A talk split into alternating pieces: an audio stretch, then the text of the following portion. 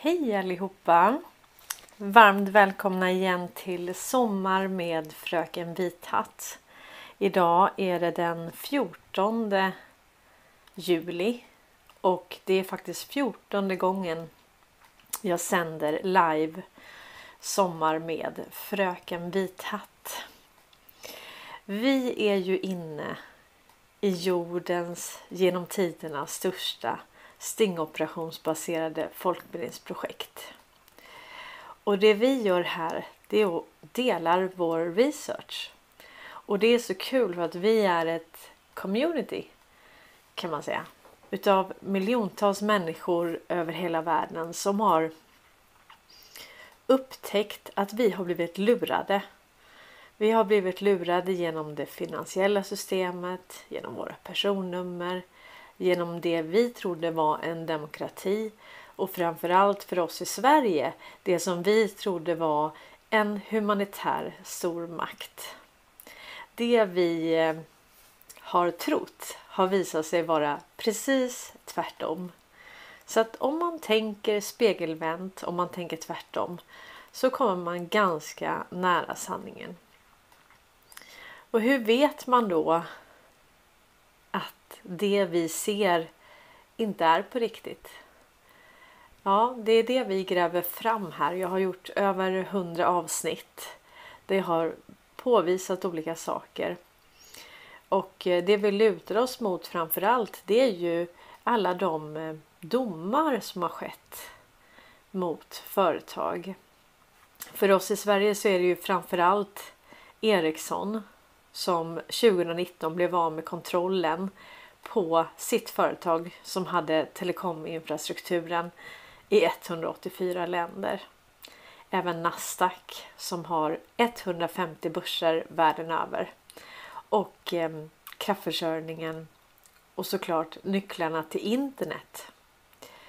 För att inte glömma BIS som är Bank of International Settlements. Det är ju egentligen Riksbankernas riksbank.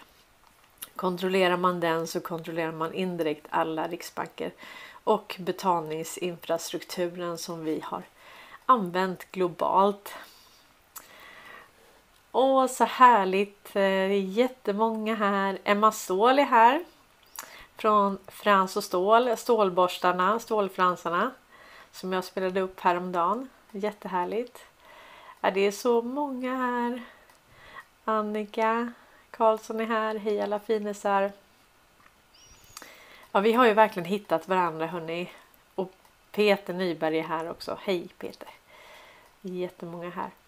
Och det är något speciellt att vara på själva liven, eller hur? För vi skriver ju i realtid.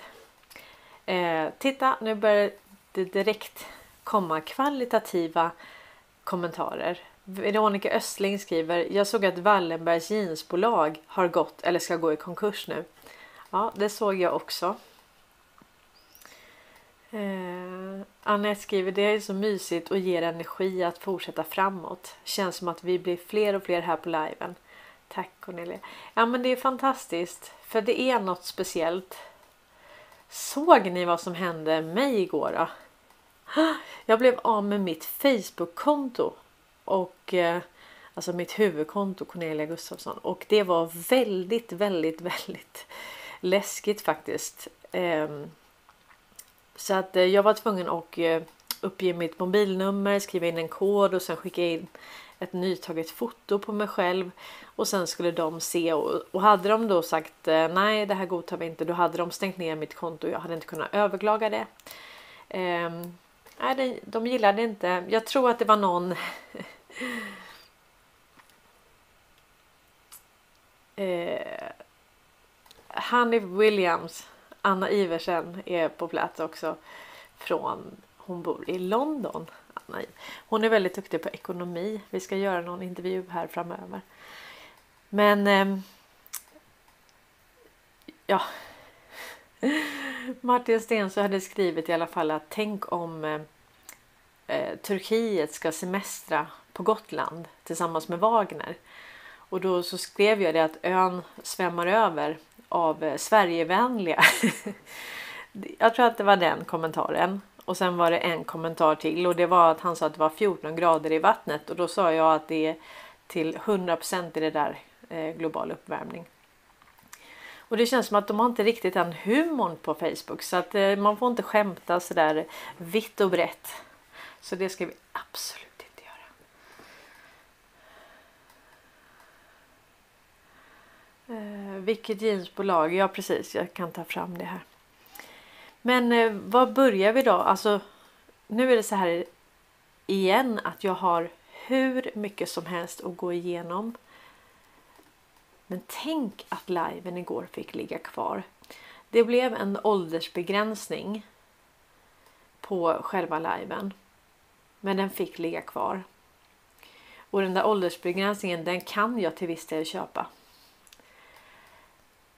Och sen var det ni skickade till mig en massa eh, videos. Så jag, jag, såg sen en om eh, socialen. Hur de tar barn i USA och hur många barn som försvinner eh, hela tiden. Och eh, det bara blev för mycket för mig igår. Alltså jag bara jag blev helt knäckt och så fick jag ringa till Emma Ståhl som är här. Jag bara var helt knäckt. Jag bara tänkte nej, nu, eh, nu går jag sönder av allt det här. Och så känns det ibland. Men eh, som sagt, vi jobbar ju för att ta fram allt det här eh, i ljuset så att vi kan bli av med det. Vi ska inte acceptera det här. Vi ska inte normalisera utan nu är det så här. Det här ska exponeras för att vi ska bli av med det. Eh, är det någon som kan skriva till Anette vilket jeansbolag det var som skulle gå konkurs? Jag läste bara precis.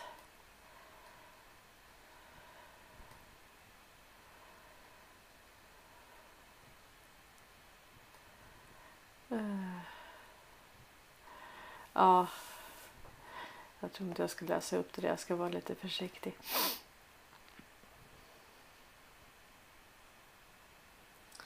Yvonne Forsell skrev jag blev avstängd på livstid på Twitter när jag delade Outdoor Shadows. Det, det, det är ju så att eh, det var ju så att det var ju mycket kommunikation och eh, koms mellan de här eh, pedofilerna på Twitter tidigare. Men det är ju utrensat nu. Nu är det ju liksom nolltolerans där. Som jag har förstått det. Eh, och man bygger upp nu. Och jag måste bara säga en sak till. Det var en som skickade till mig. Ett så roligt klipp. Det här var från Jönssonligan. Och eh, eh och så var det när Wall Enberg då, han blev arg på sin son. Så han sa sonens fulla namn. Och jag har för mig att han hette både Dals, alltså du vet eh, de här Dallesbröderna eller Dalsbröderna Och sen Rockefeller. Alltså det var precis som att i det namnet som Wall Enbergs son hette så var det alla de namnen. Eh, och det är ju även här eh, rollfigurer här eh,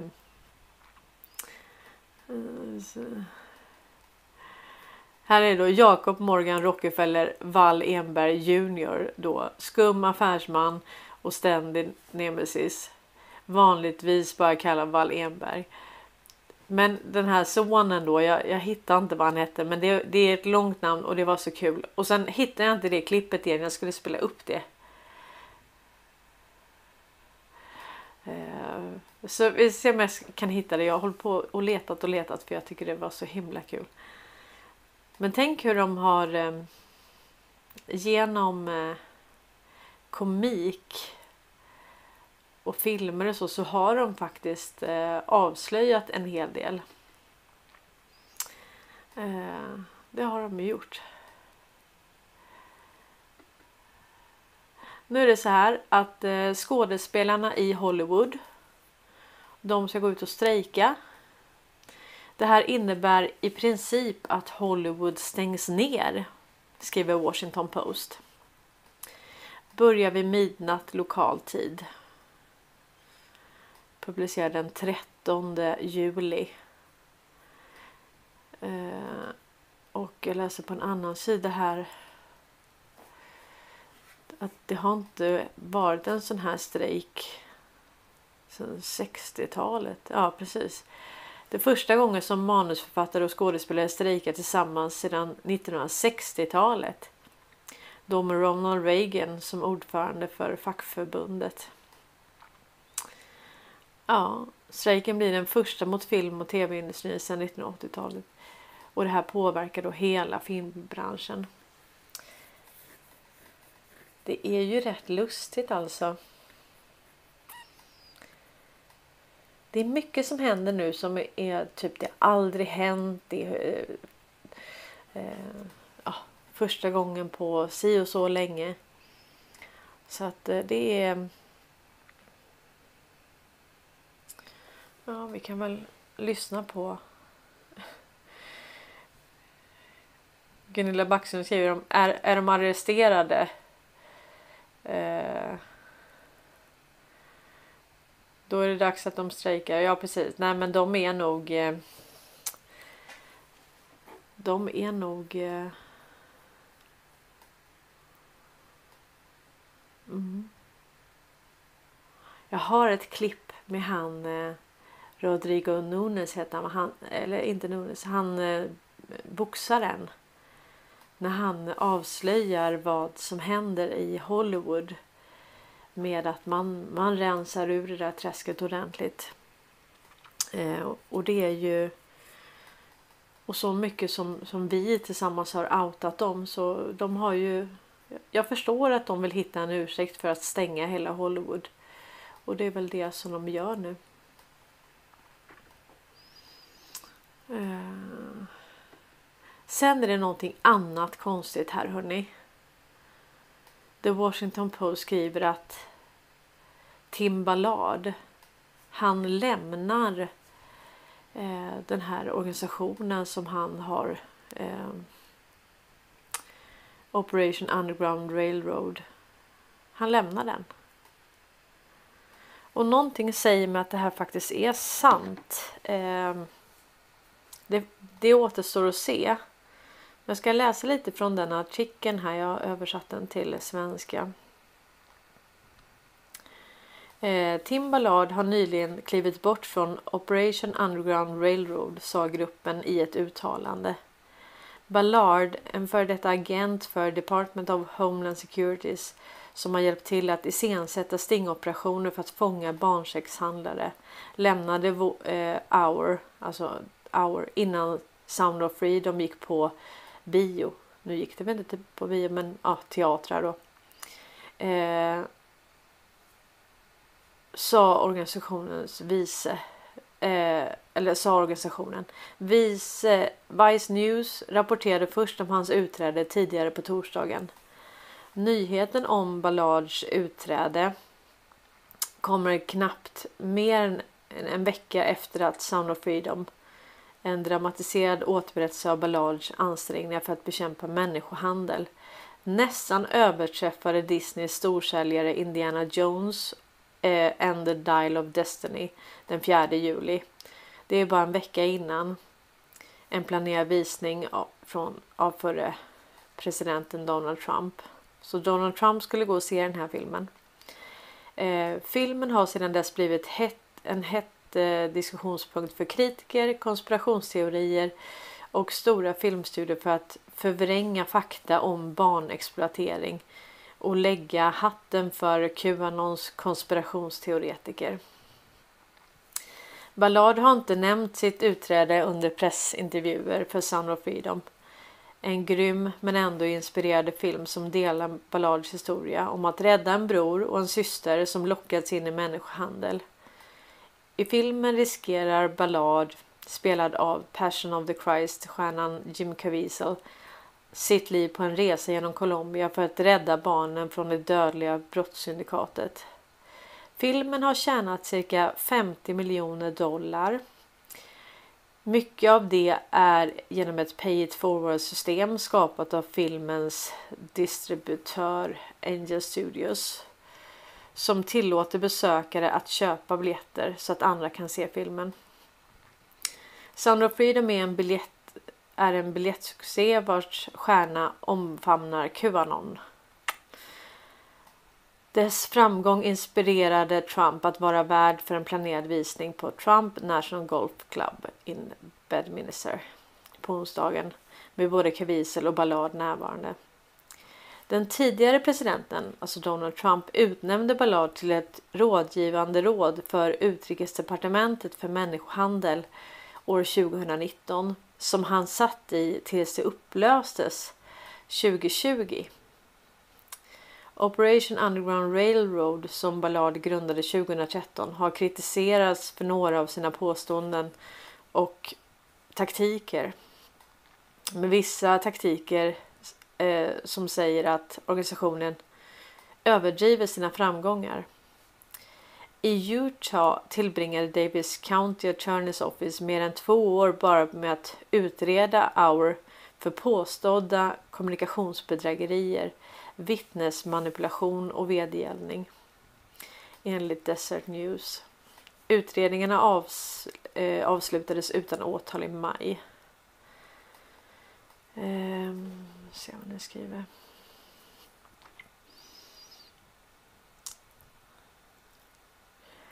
Vice News rapporterade 2020 att Operation Underground Railroads räddningspåståenden innehöll ett mönster av bildpolering och mytologibyggande.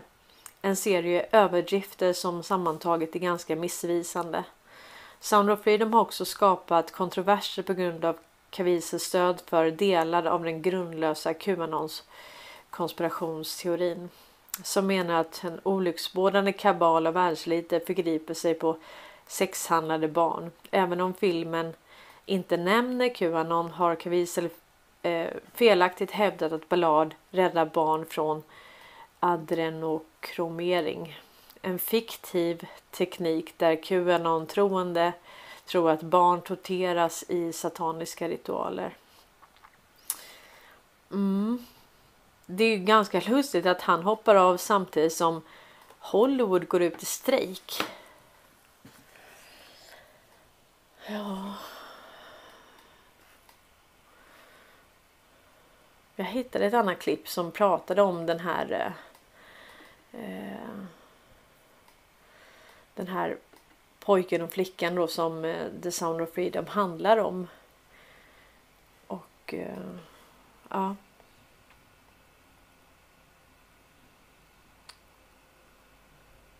Peter Nyberg skriver Många vill nog veta vad som hänt i Hollywood de, genom åren. Ja, eller så vill vi ju inte det, men jag, jag förstår hur du menar. Det är verkligen. Eh, Annette Johansson skriver kanske i början att rensa i bröd och skådespelersindustrin. Hollywood exponeras och fler följer efter. Ja, men så är det verkligen. Eh, jag tänkte vi... vi eh, KH skriver, är Tim en skådis också kanske? Ja, det är inte omöjligt. Jag lyssnade på ännu en intervju faktiskt med den här eh, producenten, han eh, eh, skådespelaren som är från Mexiko. Och nu pratar han igen om Moder Teresa. Oh, jag fattar inte, har han inte förstått vad Moder Teresa är eller varför nämner han henne som en förebild. Han kanske bara inte vet om att hon är tvärtom. Men ja, det blir liksom lite fel för oss som vet det. Som, ja.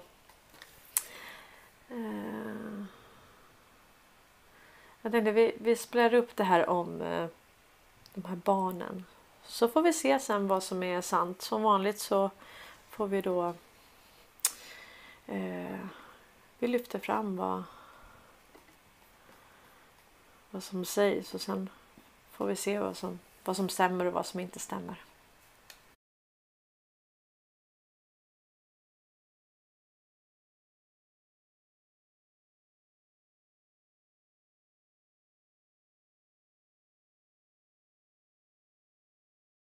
So I was watching YouTube videos earlier and I came across a really good video.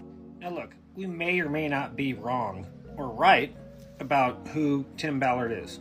But one thing I can say is that we're right to question him. The movie is roughly based on this guy, Earl Buchanan, who is basically the trafficker in this movie, from what I understand. Well, you can find this case, the case that they're actually referring to, that this movie is supposed to be based on. There wasn't a bunch of news articles about it. And, well, let's just say that the movie is not exactly being honest with the real turn of events here. Truth is this, is the kid was being groomed, but he wasn't being kidnapped from Mexico into America. No, he was actually already in San Bernardino. He was already basically at this guy's house. These people were tenants of uh, Buchanan's, like low income uh, tenants, and he had been molesting these people's kids for a while. And he had like this little thing set up at his house. And then the story just kind of goes on from there. Basically, the, the whole premise and the lie, you could pause it to read this, but basically, none of it is what they say it is. The guy got caught going into Mexico with this boy Okay. He didn't have the kid's ID, which he left back at San Bernardino. That's how he got caught. That's the truth of the matter. You can pause to read some more about the border stops that happened. And again, this is all in the police report. You guys can look this up all yourself. Some other things they got wrong in the movie, too. It was a sister. She was a few years older with a different name, but also she was back at home with her grandmother in San Bernardino. She was not a sex slave of, this, of anybody in Colombia. They even interviewed her for this case. Now, no Rambo like extraction ever happened anywhere in South America. That is a complete bold faced lie. The guy Buchanan was sitting in jail over here in Calexico. The very next day on 4th of July, after he got busted, they searched his house. It wasn't a raid, it was a search. During this raid, there was no anybody being raided at gunpoint because he was sitting in jail. They just went over to his house and searched it. Again, you can pause to read this too. This is all in the police report. Here's some more facts on this guy Buchanan. He's 78 now and out on the streets as a registered sex offender. Now, the assistant U.S. attorney that prosecuted Buchanan knows all about this case and knows about Ballard and knows that he's lying about this. She knows all these things. Again, pause to read it. And coincidentally, she's now an employee of our uh, rescue foundation. That's funny. But this whole time, you notice I didn't say anything of Tim Ballard's involvement in any of this, right? That's because there was none. He had nothing to do with this case. Absolutely nothing. Police were already tracking that guy Buchanan for a while. They just had a really shoddy case, and then they caught him red handed at the border with the kid. Tim Ballard showed up later after the authorities did all their thing, and he'd had no part to do with searching the house. And I guess he rescued the kid from that point. Makes sense, right? Obviously, I barely scratched the surface of all the bullshit that goes on in this movie. And you can read all this for yourself in the police articles. So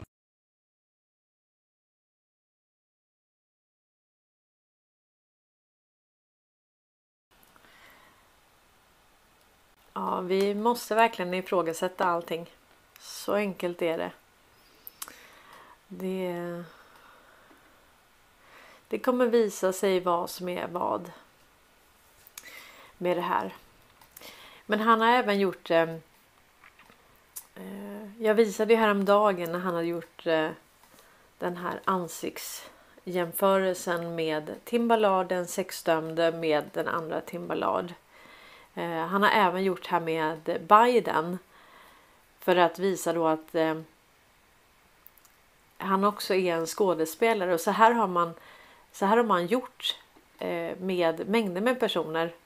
Och det är lustigt liksom när öron och hårlinje och näsa och alltså visst, man kan ju förändras med åldern, men kanske inte hur mycket som helst liksom. Så att eh, Det är det som är grejen när folk börjar göra research och kolla på gamla bilder och jämföra och mäta och så är det ju mycket som det är inte riktigt som vi har trott. Så vad har då hänt med den riktiga Biden? Ja, det vet vi inte. Jag tänker ju att eh, Q skriver ju att man får inga dealer. Det blir inga dealer. Men däremot så kanske man inte, man kanske kommer överens om att inte säga allt, inte berätta allt för att liksom kommande släkt kanske inte ska behöva ändra sitt namn. Det kanske de måste ändå, men ni förstår vad jag menar. Och eh, om man då inte klarar av att spela den rollen eller man vågar inte lita på den personen att den kommer spela den rollen så är det skådespelare. Och man, det finns ju väldigt bra teknik idag både med eh, green screen, hologram, masker. Tänk på hela Hollywood. Alltså tekniken finns ju där verkligen. För att eh, framställa sig och, och, ibland ser vi ju som masker och så. Och det, jag tror att man gör så för att, för att vi ska se och vi ska förstå. Och sen det är klart att eh, man hade ju kunnat gjort maskerna så det blev exakt exakt men eh, eh, tanken är inte att det ska vara exakt utan tanken är att vi ska vi ska se. Ja, ni förstår principen.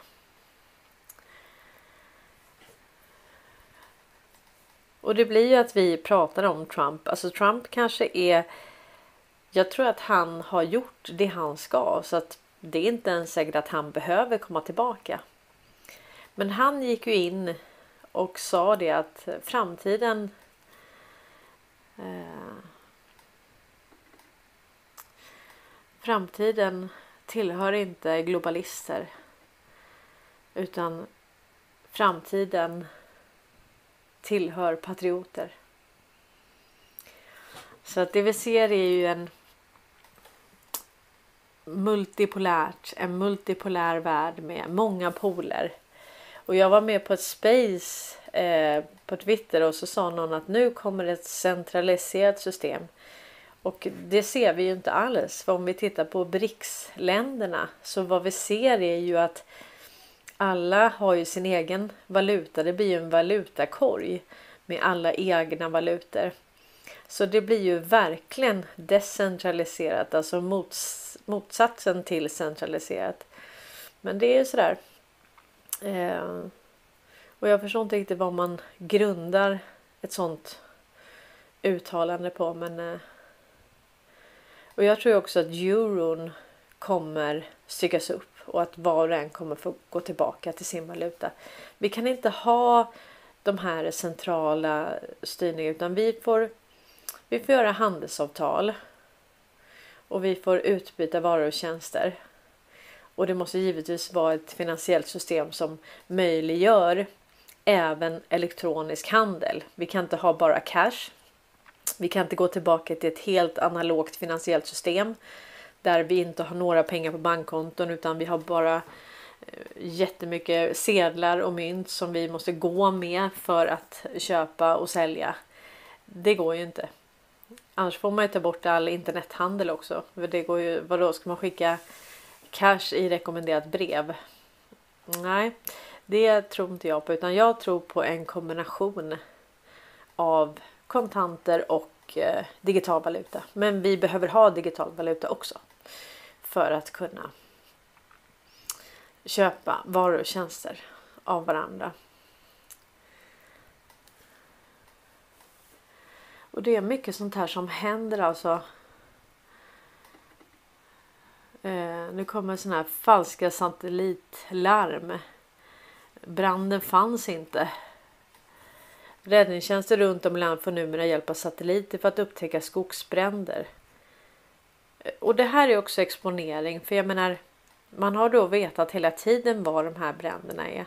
Och vi har ju sett mängder med filmer där vi ser att bränderna kan starta på fem platser samtidigt så att säga. Eh, och det är ju fysiskt omöjligt om man inte använder laser eller drönare eller något sånt för att antända de här bränderna. Och det här är ju också det är väldigt mycket som exponeras som har att göra med teknologi. Har ni tänkt på det? Att vi ska verkligen förstå. Vi ska förstå innebörden av teknologi. Och det är likadant det det sprids nu med att eh, allt det här som exponeras om barnen. Det är bara till syfte att alla ska bli chippade för då hade inte det här kunnat hända. Alltså det, det tror inte jag alls utan jag tror verkligen att man, man exponerar allting med teknologi. Precis som Trump sa, vi måste rusta upp till dess att folk förstår innebörden av kärnvapnet och samma sak med det här. Det är därför Klaus Schwab sitter och ja, du ska bli en hybrid mellan maskin och människa och så. Och ingen vettig människa vill ju ha det där. Men det handlar om att vi ska tänka till och exponera det, det här, den här teknologin som egentligen har funnits. Den har funnits hela tiden, men vi har ju inte trott att ja, de håller på att utveckla det. Nej, nej, den har varit aktiv ja, det vet vi inte hur länge. Eh, det var någon som skickade till mig en jättespännande eh, video om eh, ja, som verkligen talar om att det här är en stingoperation. Och ni minns ju när det var stormningen på Capitol Hill så var det ju eh, Pelosis dator försvann ju. Eh, och det var ingen stormning FOI om ni lyssnar utan man öppnade dörren till de här och så gick de som en, nästan som en rund, rundvandring i Vita huset. Lugnt och städat. Eh, men vi ska lyssna på vad han säger här för det här är ju eh, ja, vi vet inte om det här är sant. Men vi lyfter upp allting och ehm, kopplar ihop det med andra saker som vi vet.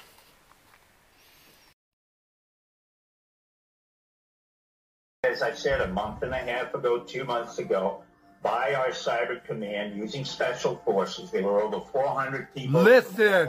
Parts of the intelligence community. I won't go into the names. But in effect now, we are about to arrest Pelosi. We're going to arrest Biden, Hunter Biden, Mitt Romney. You're talking about a whole list of individuals whom I identified on this show for years. When I said Gina Haspel has to go, she went. When I said Barr was a CIA operative, he went.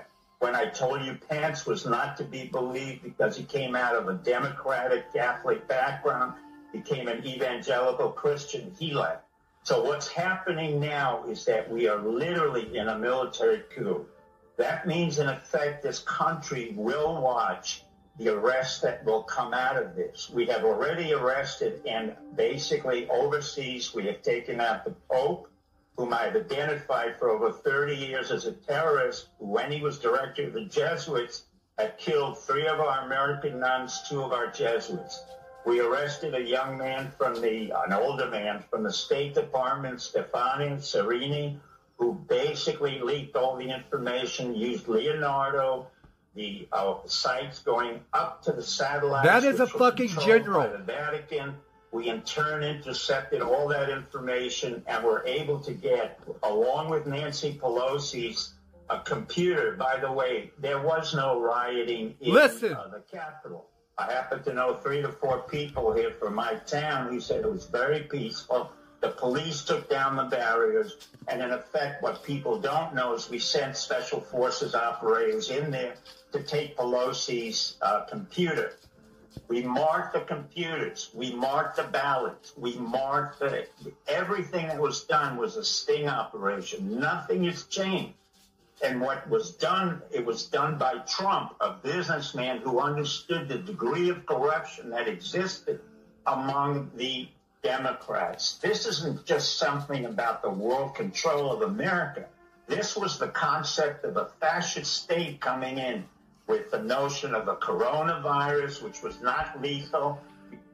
I'm about to say that Biden is not going to be the president of the United States. What I'm going to be saying is that there have been massive arrests. And what I'm saying, in effect, is that we are in martial law and we have a military coup, which simply means that there is going to be a, a large number of people who are going to be arrested, detained, and will be tried by military tribunal. The reason it's military is because we no longer trust our CIA, we no longer trust our politicians, we do not trust our governors, we do not trust the senior officials who are in Congress or in the Senate. It's as simple as that. But I'm just telling you, in seven. Boom!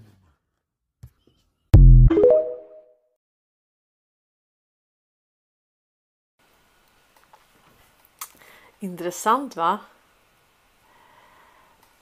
Det är klart, vi vet ju att de, de har allt. De har allt på de här människorna. Och de har vetat hela tiden. Och eh, jag tänker mycket på det här med NATO nu. Att eh, man ska vara försiktig med vad man önskar sig. Alltså jag tror inte många har tänkt på att eh, ja, man ska skicka soldater och man måste betala mycket mer till försvaret och eh, Trump har ju verkligen utmanat alla de här NATO-länderna att de måste steppa upp. Det, det kan inte vara USA som står för allting. Och det är precis som att han säger här att okej, okay, vill ni ha NATO? Vill ni ha krig? Vill ni ha en försvarsallians så ska det kosta. Varsågod och betala vad det kostar. Betala priset nu. Och eh, det var någon som la upp en bild. Ja, det var Marit som la upp en bild på. Det var en typisk svensk ö och de satt där och mm, det är så tryggt i Sverige och sen på andra sidan precis så var det fullt med kanoner och så. Eh, och det, det är det som är. Trump han har mäklat fred. Är det fred vi vill ha eller är det krig? Det är liksom upp till bevis nu. Bestäm er. Eh, jag ska läsa upp lite av era kommentarer men jag tänkte bara spela upp det här med när Trump eh, talade inför NATO. För folk har ju glömt bort lite vad han har sagt. Men jag kan säga att eh, säga vad man vill om Trump men han har haft rätt i precis allting han har sagt. Faktiskt.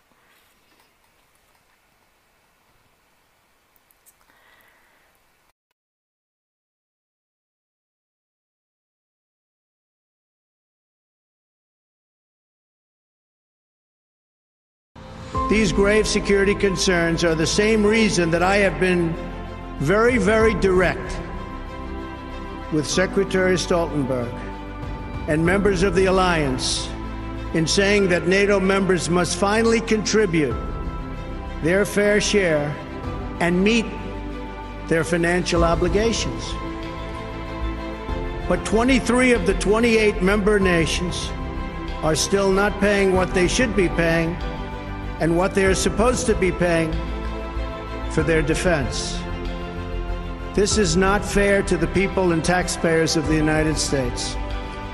We must uphold respect for law, respect for borders, and respect for culture, and the peaceful engagement these allow. And just as the founders of this body intended, we must work together and confront together those who threaten us with chaos, turmoil, and terror.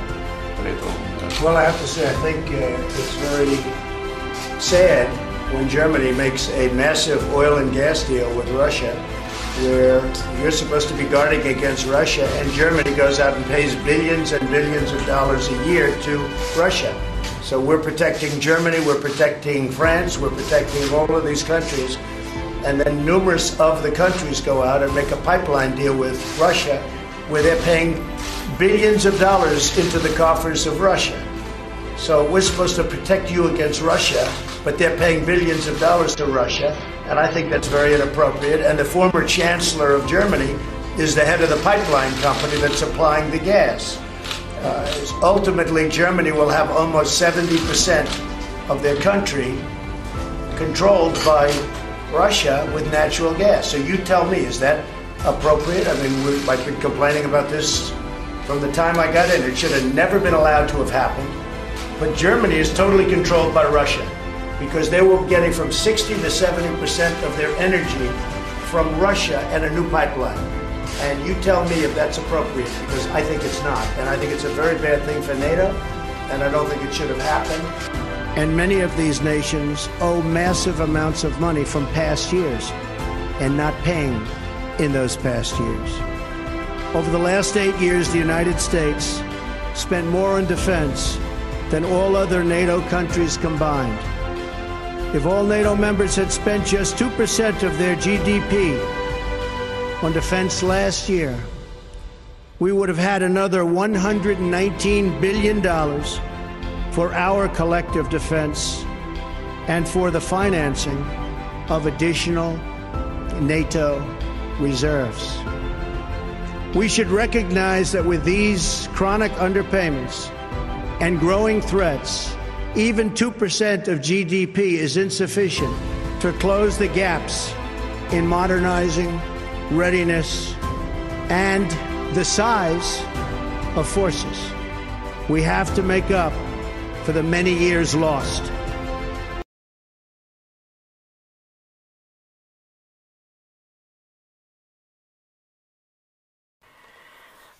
Det där var inget populärt budskap och det var inte heller något populärt budskap när eh, Trump talade inför FN och sa att framtiden det tillhör inte globalister utan det tillhör patrioter som älskar sitt land. Och det var inte heller populärt när han blev vald till president och han sa att eh, USA kommer aldrig bli ett socialistiskt land. Och det är inte konstigt att eh, George Soros säger att eh, han är ett hot mot världsordningen. Och det sa ju även Reinfeldt.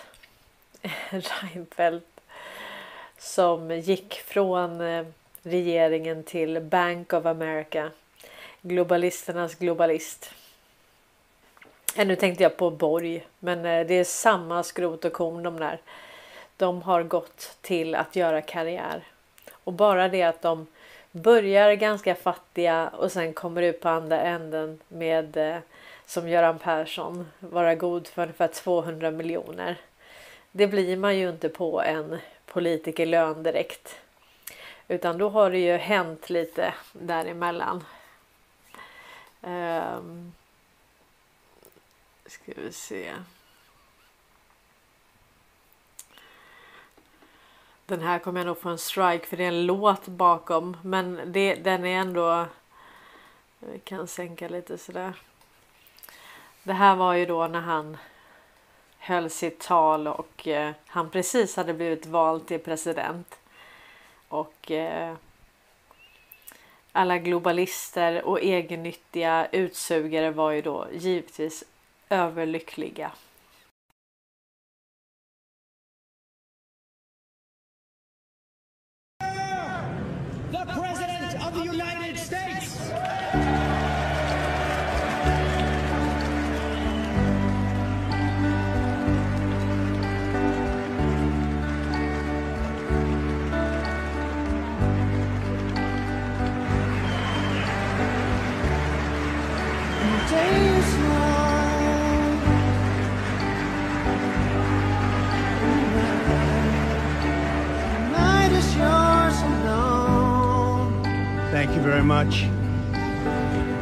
Speaker. Members of Congress, the state of our union is strong.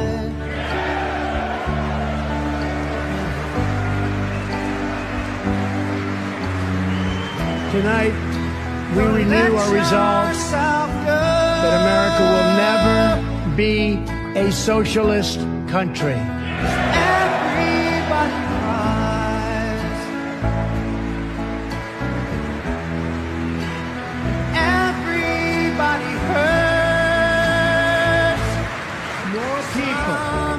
Working now than at any time in the history of our country. 157 million people at work.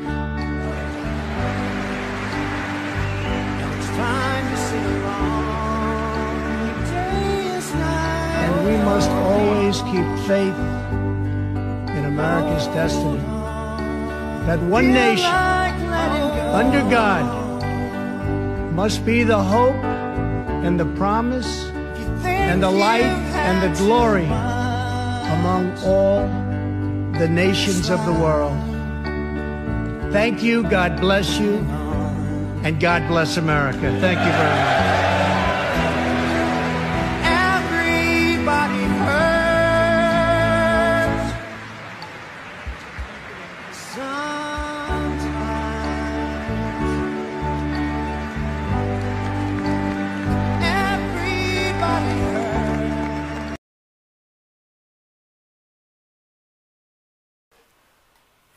Alltså han är ju en riktig retsticka också. Det är fantastiskt att se. Jag tycker det är så kul. Och ju mer man förstår och lär känna Trump eh, genom att man följer honom så ju mer ser man alltså han är han vet precis vad han sysslar med och han är han kan ju inte låta bli att njuta lite. För att han vet att han har hela militären bakom sig. Så att det är så så mäktigt. Jag tänkte jag skulle ta um, ta lite kommentarer här.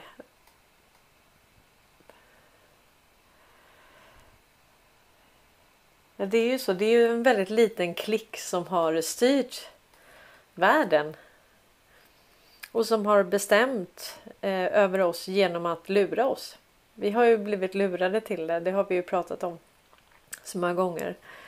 Och han kommer in och bara vänder upp och ner på allting. Så det är klart att han, han var ju ett hot mot deras eh, korrupta system. Och jag kommer ihåg när jag började följa Q eh, och Trump. Jag började med att följa Trump och sen hittade jag Q. Och sen hittade jag efter ett och ett halvt år så hittade jag Karl Norberg. Och jag minns eh, när jag följde det här då så tänkte jag Ja, men jag undrar hur det ser ut i Sverige. Kan det finnas liksom korruption här? så att det började med att jag tänkte jag måste verkligen sätta mig in lite mer i Sverige och eh, förstå hur det hänger ihop här och eh, vi måste göra Sverige bra igen. Och det var därför jag startade det här Make Sweden Great Again. Eh, och så säger vissa, nej men Sverige har ju aldrig varit bra. Nej men det vet jag nu. Men när jag startade där så hade jag ändå ett litet hopp om att, och det är klart att det var ju ändå bättre när jag växte upp. Eh, alltså rent, eh, man behövde inte låsa sin cykel och alltså det är mycket som har förändrats på kort tid eller på kort tid men på de här åren sedan jag var liten. Ja gud, jag är ju gammal nu. jag är 46. Men eh, ja, Sen jag, när jag var liten så var det en helt annan tid. Och eh, det var ju samma sak då givetvis. Men, eh, och då kunde man ju mycket mer hålla folket i järnhand. För då fanns det ju det fanns bara två kanaler. Det fanns två kanaler. Och jag kommer ihåg när man var sjuk och det fanns verkligen ingenting. det fanns ingenting att kolla på. Och det fanns inga mobiltelefoner. Och Alltså mina barn idag kan ju inte in, förstå hur det var. Så att det har ju hänt väldigt mycket. Hela världen har ju blivit uppkopplad och det har ju även de här eh, eh, kriminella blivit också. De är också uppkopplade så att det går att följa dem på ett annat vis.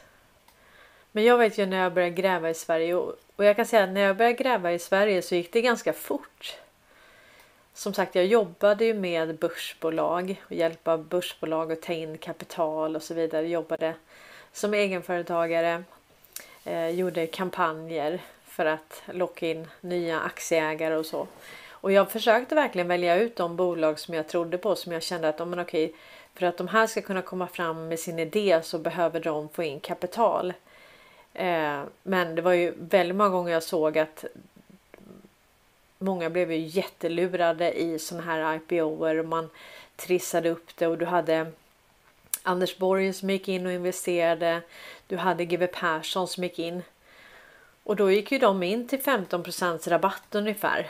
Så sen när börsnoteringen skedde så, så räckte det ju med att alltså om de sålde för det de hade köpt aktien för så hade de ändå gjort 15% vinst.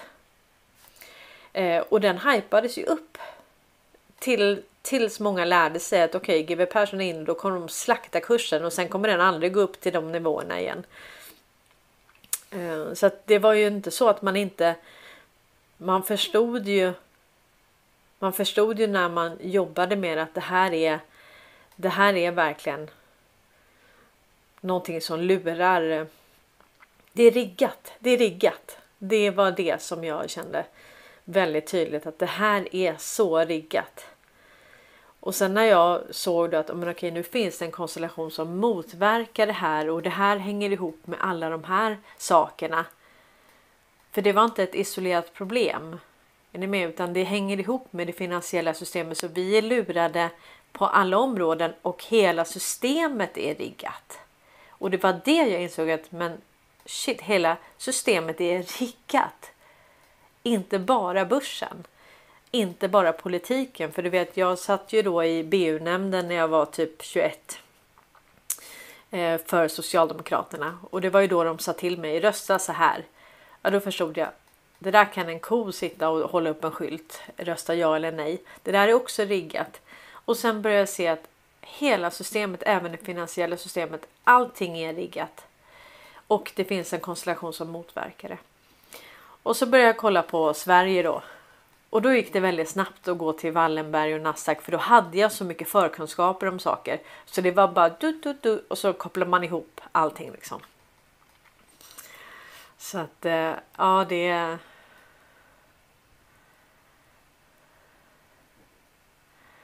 Eh.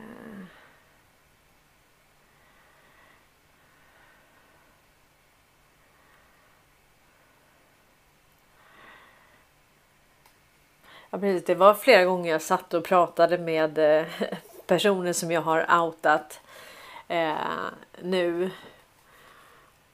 Och det var precis som att du, du kom aldrig in i den grupperingen utan det var hela tiden en vänskapskorruption och det var en eh, I scratch your back, you scratch mine. Alltså hela tiden så, så samordnar man liksom eh, så att de här, den här riggningen var liksom mellan mellan flera olika intressen hela tiden. Och var du inte inne där så var du inte inne där och du kunde inte bara gå med där så att säga utan det var jag var hela tiden liksom lite utifrån. Eh, ja, så att det, det, det är verkligen en klubb och det går inte att komma in i den klubben. Utan jag hade liksom en liten, en liten nisch på sidan om och kunde liksom dra runt ett företag med ett par miljoner där. Men mer än så blev det liksom inte. Det blev aldrig de stora pengarna, blev aldrig de stora bolagen, blev aldrig... Eh, det blev aldrig liksom att det blev att det fick skjuts utan det var hela tiden att kämpa för varenda varenda uppdrag och varenda eh, jag tänkte oj vad tiden går. Nu är det snart fem minuter kvar, men eh, Ulf Hagström skrev så roligt på eh, på Facebook. Då är det en eh, dialog här då. Sverige. Eh, det här om NATO då. Kan vi gå med nu? Turkiet? Nej, inte ännu. Sverige. Men kom igen då. Turkiet, okej, okay, men det kanske vi kan ordna. Men vi har lite villkor. Sverige, absolut. Vi vill ju verkligen vara med och känna oss skyddade. Turkiet, men då måste ni sluta stötta terrorister. Och Sverige, men va? Det är en gammal svensk tradition. Turkiet, hur ska ni ha det egentligen? Sverige, okej, okay, nu har vi skärpt oss och blivit eh, snälla. Turkiet, bra. Men vi läste att ni bränner koraner offentligt och polisen bara tittar på. Sverige, ja, I Sverige har vi en tradition av att eh, stötta bokbål. Turkiet, men lägg av nu. Vill ni gå med eller inte? Sverige, äh, vi, vi ska se vad vi kan göra. Turkiet. Om vi, vi vill fortfarande ha terrorist, eh, men vi vill fortfarande ha terrorister utlämnade till oss. Sverige. Går det inte att läsa lösa på något annat sätt. Kanske en liten ekonomisk gåva. Turkiet, vi tar inga muter. Sverige, okej okay då. Eh, nu så verkar det som att folk har slutat brä... Oj, nu var det några till som brände Koranen. Turkiet. Men har ni inget bättre för er att göra där uppe i Norden än att bränna heliga skrifter? Sverige. Alltså, vi jobbar på att ändra vår lagstiftning, men kan vi inte få gå med ändå? Ryssarna kommer ju när som helst och halva vår befolkning är livrädda och suger på tummen. Turkiet, vi ska sätta oss ner och försöka förhandla fram något. Sverige, ja snälla gör det. Nu vill ju till och med Joe Biden att vi ska gå med. Turkiet, den gamle stofilen. Har han ramlat igen och slagit i huvudet? Sverige, men snälla, vi har ju lovat vår befolkning att det redan är klart och att vi kan gå med om några veckor. Turkiet. Synd för er del. Vi tänkte ha sommarlov och komma tillbaka i oktober. jag tycker det var jättekul. Och eh, man kan fortsätta den och säga att vi vill gå med i EU också. Det är vårt lilla villkor och det bara slänger man in nu. Ja, helt otroligt alltså. Och nu skriver media då att Vladimir Putin har beordrat Wagnerchefen Yevgenij Prigozjin att mörda Volodymyr Zelensky. Okej, om nu Putin skulle beordra ett lönnmord så tror jag att han är så luttrad så att han säger nog inte det. Vad tror ni? Äh, det är så dumt nu. Nu kan man verkligen, man kan verkligen inte läsa någonstans. Men det här med överraskningsmomentet. Ja, lite det, det är ju också samma sak med eh, eh, med svabben. Jag menar varför, varför väcka hela världen till det här med teknologi? Varför väcka hela världen till planerna på en världsregering? När folk liksom omfamnade teknologi, eh, ändå höll på med sina sociala motsättningar, eh, inte hade identifierat den riktiga fienden utan bara ja, tyckte att det var okej okay och sen fortsatte man att sätta diagnoser på alla som ifrågasatte systemet. Ja. Och sen är det ju. Jag hade en bild på hur många krig som eh, USA har startat eh, kontra hur många krig som eh, eh, vi ska se.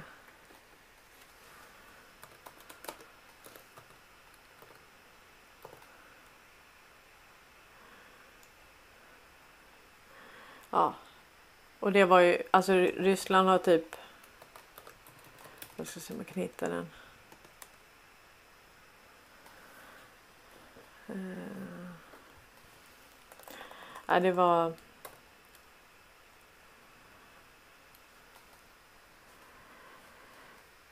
Jag får hitta Det är svårt när man improviserar och inte hittar vad man ska. Men eh,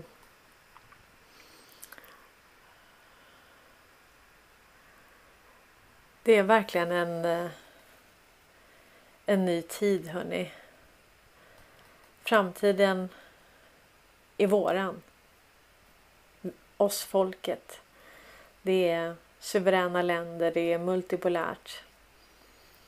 Och eh, det är att fler ska ha det bra, inte bara ett fåtal på alla andras bekostnad. Nu är klockan ett hörni och eh, jag tänkte att jag skulle avsluta med en film som ligger på Wallenbergs hemsida som handlar om Wallenbergs ekosystem. För er som har sett det så behöver ni absolut inte titta på den igen, men den är väldigt bra och den förklarar hur de har jobbat genom hela sitt eh, sitt nätverk. Eh. Gunilla skriver så här, åh nej timmen är redan över men kul har det varit, varit i alla fall. Tack bästa Cornelia. Ja, alltså en timme går ju så fort. Det är helt otroligt. Eh. Anette skriver också så dumt eh, nu på SVT och Sveriges Radio. De flesta borde vakna till. Alltså jag, jag vet inte vad som ska krävas. Det är precis som att eh, vi har eh, Ja. Vi är för vi är för naiva på något vis. Eh, Kai skriver mer att ta upp till nästa gång. Ja, vi har mycket att ta upp. Men nu avslutar vi med den här filmen. Tack så mycket för idag. Och eh, så ses vi igen imorgon. Ha det gott allihopa.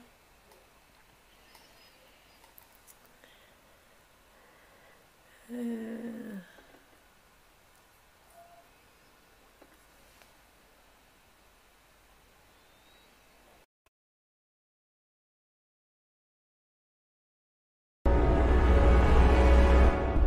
More than 100 years ago, a unique vision was created that is recognized today as the Wallenberg ecosystem. This journey began in 1856 when Andre Oskar Wallenberg started Sweden's first private branch bank, Stockholm's Enskilda Bank, known today as SEB. 60 years later, the industrial holding company Investor was sprung out of this bank.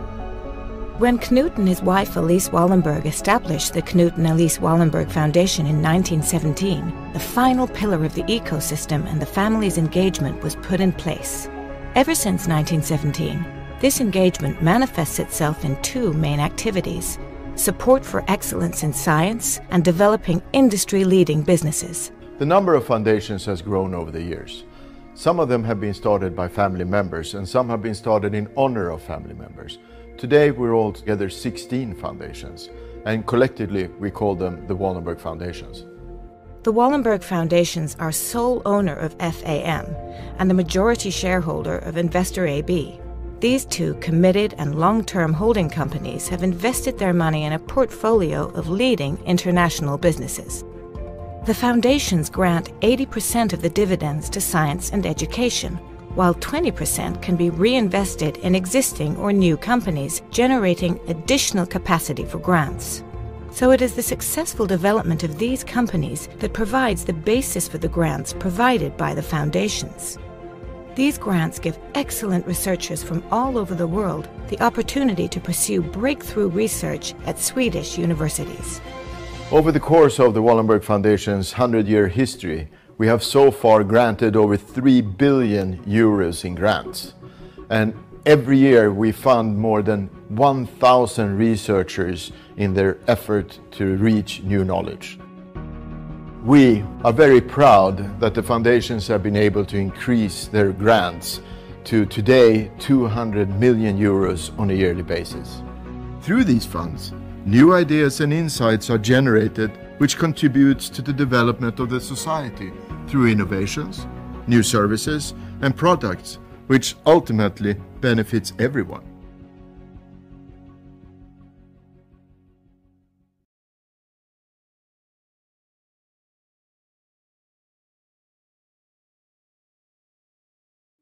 Nineteen seventeen, nineteen eighteen. That was the big, that was the big plague. Not since 1917 came to that conclusion. Even if you go back into 1917, but 1917. Now, in 1917, had they had the internet and all the means of communication, they could have practiced distancing. I've read about the Spanish flu. That was 1917. I would say since 1917 which was the greatest of them all. 1917, it was in 1917, 1918. The flu is nothing to sneeze at.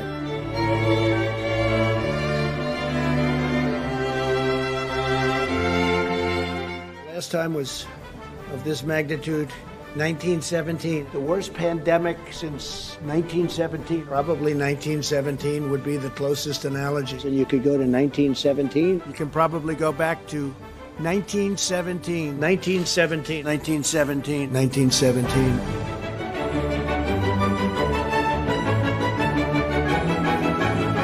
Maybe 1917. Finally, follow up for Mr. Trump. Do you think that tr- trade is where Sweden and US differ most right now? Oh, I think we have very good relationships on trade.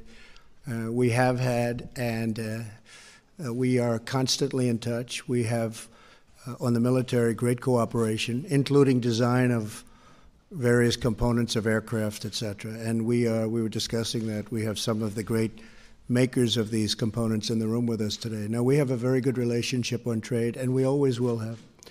Sweden's a great country. It's small, but it's very sharp, I will tell you. They are very sharp. Thank you very much, everybody. I appreciate it. Thank you.